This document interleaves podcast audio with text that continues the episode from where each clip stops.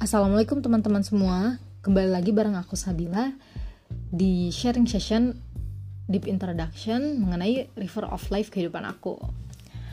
Nah Semua itu berawal Ketika aku lahir nih. Aku lahir di Subang 13 Januari 2001 dan orang tuaku memberikan nama Sabila Nurwardani yang artinya Sabila itu orang yang berada di jalan Allah, Nur Cahaya, Wardah itu cantik, Ninya itu Anissa, yaitu perempuan. Jadi kalau digabung artinya itu seorang perempuan cantik yang bercahaya yang berada di jalan Allah.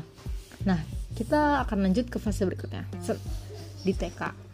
Di TK itu aku tuh umurnya kurang sebenarnya. Jadi harusnya tuh 4 tahun, tapi aku masuk TK tiga setengah tahun dan di TK ini ada pengalaman unik di mana pertama kalinya aku dipanggil oleh kepala sekolah. Karena aku gigit tangan temen aku, alasannya dia coret-coret buku tugas aku pakai pulpen. Ya aku marah jadi aku gigit tangan dia. Dan aku nggak bakal lepasin tangan dia itu sampai mamaku udah dateng ke ruang kepala sekolah. Gitu deh. Jadi itu pertama kali aku dipanggil sama kepala sekolah. Lanjut kita ke SMP eh ke SD di SD ini aku pas kelas 1 nggak masuk di salah satu kelas unggulan. Jadi aku masuk di kelas yang paling bawah kelas H. Dari kelas A sampai J aku masuk ke kelas H. Terus aku tuh diledekin gitu sama teman-teman dulu yang TK aku. Kan dia banyak juga yang satu SD sama aku. Katanya aku tuh ya bodoh gitu gitulah terus aku bang aku menjadi mau semakin semangat untuk belajar dan bisa untuk naik di kelas unggulan. Nah, alhamdulillah untuk kelas 2 sampai kelas 6-nya aku di kelas unggulan. Tetapi di kelas 2 ini pertama kalinya aku mengalami bullying. Alasannya yang pertama aku dianggap tidak berkompeten sama teman-teman perempuan waktu itu yang di kelas 2 katanya aku tuh bodoh nggak selevel gitu-gitu dan yang kedua itu adalah body shaming kawan-kawan karena waktu itu aku tuh gede hitam terus aku jenong di kuncirnya tuh kuncir satu ke belakang gitu dan gak ada poninya. Jadinya ya bayangkan sendirilah jid, seberapa lebar jidatku itu. Nah dan aku sebagai salah satu korban bullying tuh rasanya kayak nggak betah gitu di sekolah bawaannya pengen pulang di rumah terus dan harapannya tuh nggak ada hari esok buat datang ke sekolah lagi gitu. Pengennya tuh belajarnya di rumah aja jadi ini pengalaman nih buat teman-teman semua. Jangan kalian sekali-kali ngebullying orang karena rasanya tuh jadi korban bullying itu nggak enak banget. Beneran sumpah nggak enak banget. Dan aku waktu itu karena saking kesepian aku berdoa sama Allah pengen banget nih punya adik. Dan akhirnya dikabul lah sama Allah mamaku hamil. Nah pas aku di kelas 3 adikku lahir tuh seorang bayi laki-laki yang lucu sehat dan juga gemuk waktu itu ya pas bayinya. Diberi nama Ezhar Raditya Nurhalis dan dipanggilnya Ezar di kelas 3 ini puncak-puncaknya nih aku di jadi korban bullying. Separah itu di pokoknya sampai tangan aku itu ditusuk pakai isi pensil. Dan orang tuaku dan orang tua yang ngebully aku tuh dipanggil kan sama gurunya. Emang separah itu sih dan konsekuensinya uh, si temen aku yang ngebully aku tuh nggak bakalan sekelas lagi sama aku. Udah ditet udah ditetapin kayak gitu. Itu tuh waktu itu parah banget sih. Aku sampai ke rumah sakit buat ngambil isi pensil yang ada di tangan aku itu. Oke terus lanjut ke kelas 4 di kelas 4 tuh adem ayem banget. Alhamdulillah aku punya banyak temen. Prestasi aku juga lancar. Eh ya akademis aku juga lancar. Karena aku nggak ngalamin korban bullying lagi Next naik ke kelas 5, di sini nih aku pertama kalinya belajar untuk menjadi seorang wirausaha. Aku jualan biji ketapang, kue kacang telur, kue muffin, nasi goreng dan juga mie goreng buat kayak sarapan pagi itu. Dan alhamdulillah laku banget. Bahkan waktu itu untungnya itu separuh untungnya tuh bisa aku beliin buat sepeda. Waktu itu kan zamannya sepeda lipat gitu kan. Jadi aku beli sepeda lipat itu. Sedang banget sih waktu itu dagang dan itulah yang memotivasi aku sampai sekarang. Kalau cita-citaku tuh menjadi seorang wirausahawan di bidang kuliner. Amin. Minta doanya ya teman-teman. Terus di kelas 5 ini juga aku menjadi salah satu perwakilan sekolahku untuk Olimpiade Science di tingkat kabupaten dan juga menjadi perwakilan untuk lomba mendongeng di tingkat kabupaten dan alhamdulillahnya juara satu. Nah, naik ke kelas 6, aku stop untuk berjualannya. Kenapa? Karena aku pengen fokus di nilai UN. Waktu itu tuh untuk naik ke SMP itu dilihat dari seberapa tinggi nilai UN gitu apalagi kalau misalnya mau masuk SMP favorit kan berarti saingannya juga nilai UN yang bagus-bagus dong. Jadi aku lebih fokus ke akademis dulu. Pas masuk di SMP alhamdulillah aku diterima di SMP 1 Tambun Selatan atau bisa disebut Satam.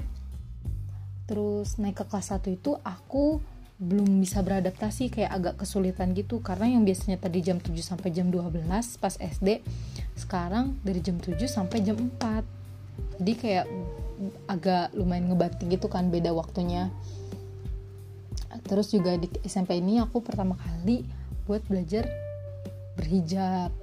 Kayak udah mulai berhijab gitu deh. Nah naik nih kelas 2 aku sudah bisa beradaptasi terus aku udah mulai mencoba jualan lagi. Cuman omset keuntungannya itu tuh nggak segede pas aku SD karena kalah saing sama pedagang-pedagang kantin.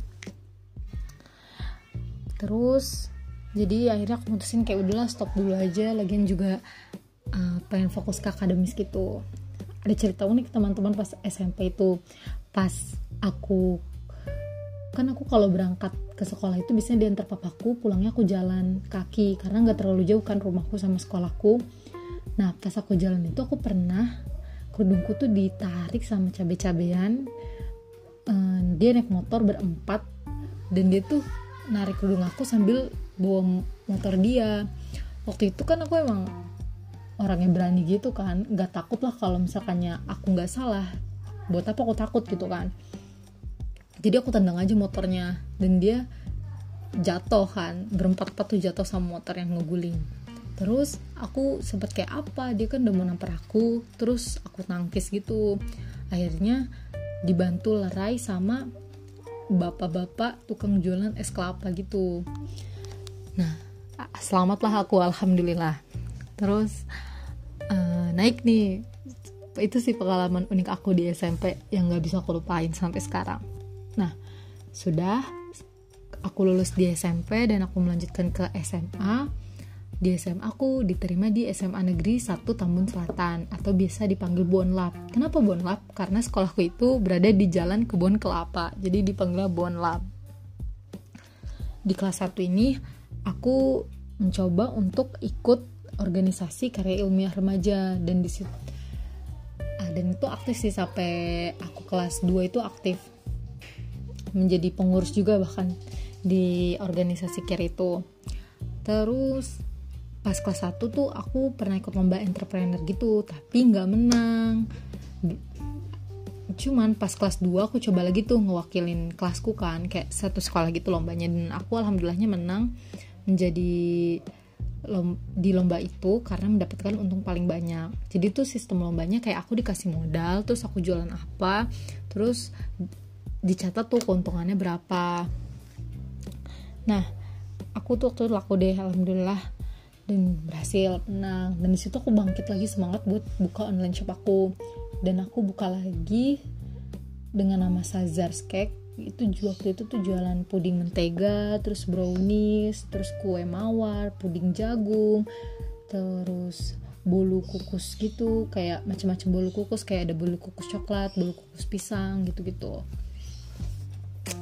Dan abis itu pas aku naik ke kelas 3 mamaku bilang kalau misalkannya aku harus lebih fokus buat ke akademis karena ujiannya tuh kelas 3 kan banyak kayak ujian-ujian gitu kayak ujian nasional terus ujian akhir sekolah terus SBMPTN itu kan krusial banget gitu.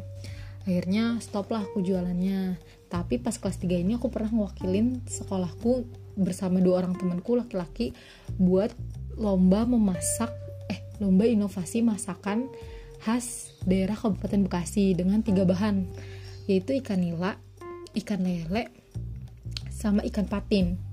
Akhirnya waktu itu inovasinya tuh aku bikin uh, nila ikan nila tapi di sop di sop apa ya namanya? Kayak di sop bening seger gitu deh pokoknya. Terus sama bikin combro isinya itu ikan patin. Dan alhamdulillah juaranya harapan satu. Nah di sini tuh akhirnya pas kelas 3 juga aku ngalamin pengalaman yang enak juga. Uh, alm almarhum bahku bah kakung aku dari mamaku itu meninggal. Dan dia sempat pesan wasiat ke aku sebelum meninggal tuh suruh aku mencoba buat daftar di UI kebetulan emang aku pengen banget di UI kan uh, jurusan sistem informasi. Akhirnya aku daftar sesuai dengan wasiat bahku dan alhamdulillah aku diterima di jurusan sistem informasi. Sedih sih pas aku diterima tuh kayak mix gitu perasaannya kayak apa ya seneng tapi aku sedih juga karena aku pernah punya janji sama mbahku kalau misalkannya aku diterima aku bakalan jalan-jalan sama mbahku ke UI gitu. Terus pas aku masuk di UI semester 1 nih aku bener-bener down. Aku baru satu bulan kuliah. Aku minta keluar karena aku nggak kuat secara beban mental akademis dan susah banget buat adaptasi. Tapi ternyata di fakult di Fasilkom tuh bukan aku aja yang ngalamin bahkan teman seangkatanku banyak dan kita uh, saling support satu sama lain. Nggak cuma dari teman aja bahkan dari dosen pun setiap minggu dia ngasih jam lebih buat lat buat ngasih latihan-latihan gitu terutama khususnya mata kuliah ngoding ya dasar-dasar pemrograman itu kan kayak hal yang gak pernah banget kan. Terus dia ngasih dosennya tuh kayak ngasih semangat gitu motivasi gitu. Katanya dulu anak fasilkom ada yang gak pernah megang komputer sama sekali. Terus akhirnya dia lulus juga dengan nilai IPK terbaik gitu. Jadi itu satu motivasi aku. Dan juga selama di fasilkom uh, aku baru pertama kali ikut mentoring. Dan seneng sih ikut mentoring kayak bisa sharing session. Terus ruhiahnya juga kejaga dan juga kejaga itu bukan cuman karena aku doang tapi karena uh, teman-teman juga banyak yang ngingetin itu terus di Fasilkom juga aku lebih tergerak buat aktif banget di organisasi kepanitiaan dan juga kegiatan volunteer.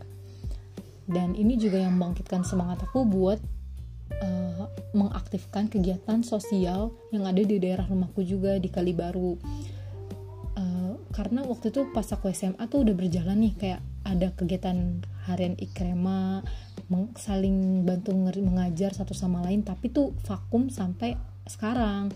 Dan pas di Fasilkom tuh aku mulai belajar dikit-dikit lagi buat ngaktifin tapi gak mm, buka langsung gebrakan besar gitu kayak pelan-pelan dari mulai arahan ibu PKK terus ngaktifin lagi struktur DKM musolahnya juga gitu jadi itu sih teman-teman sharing session mengenai river of life aku.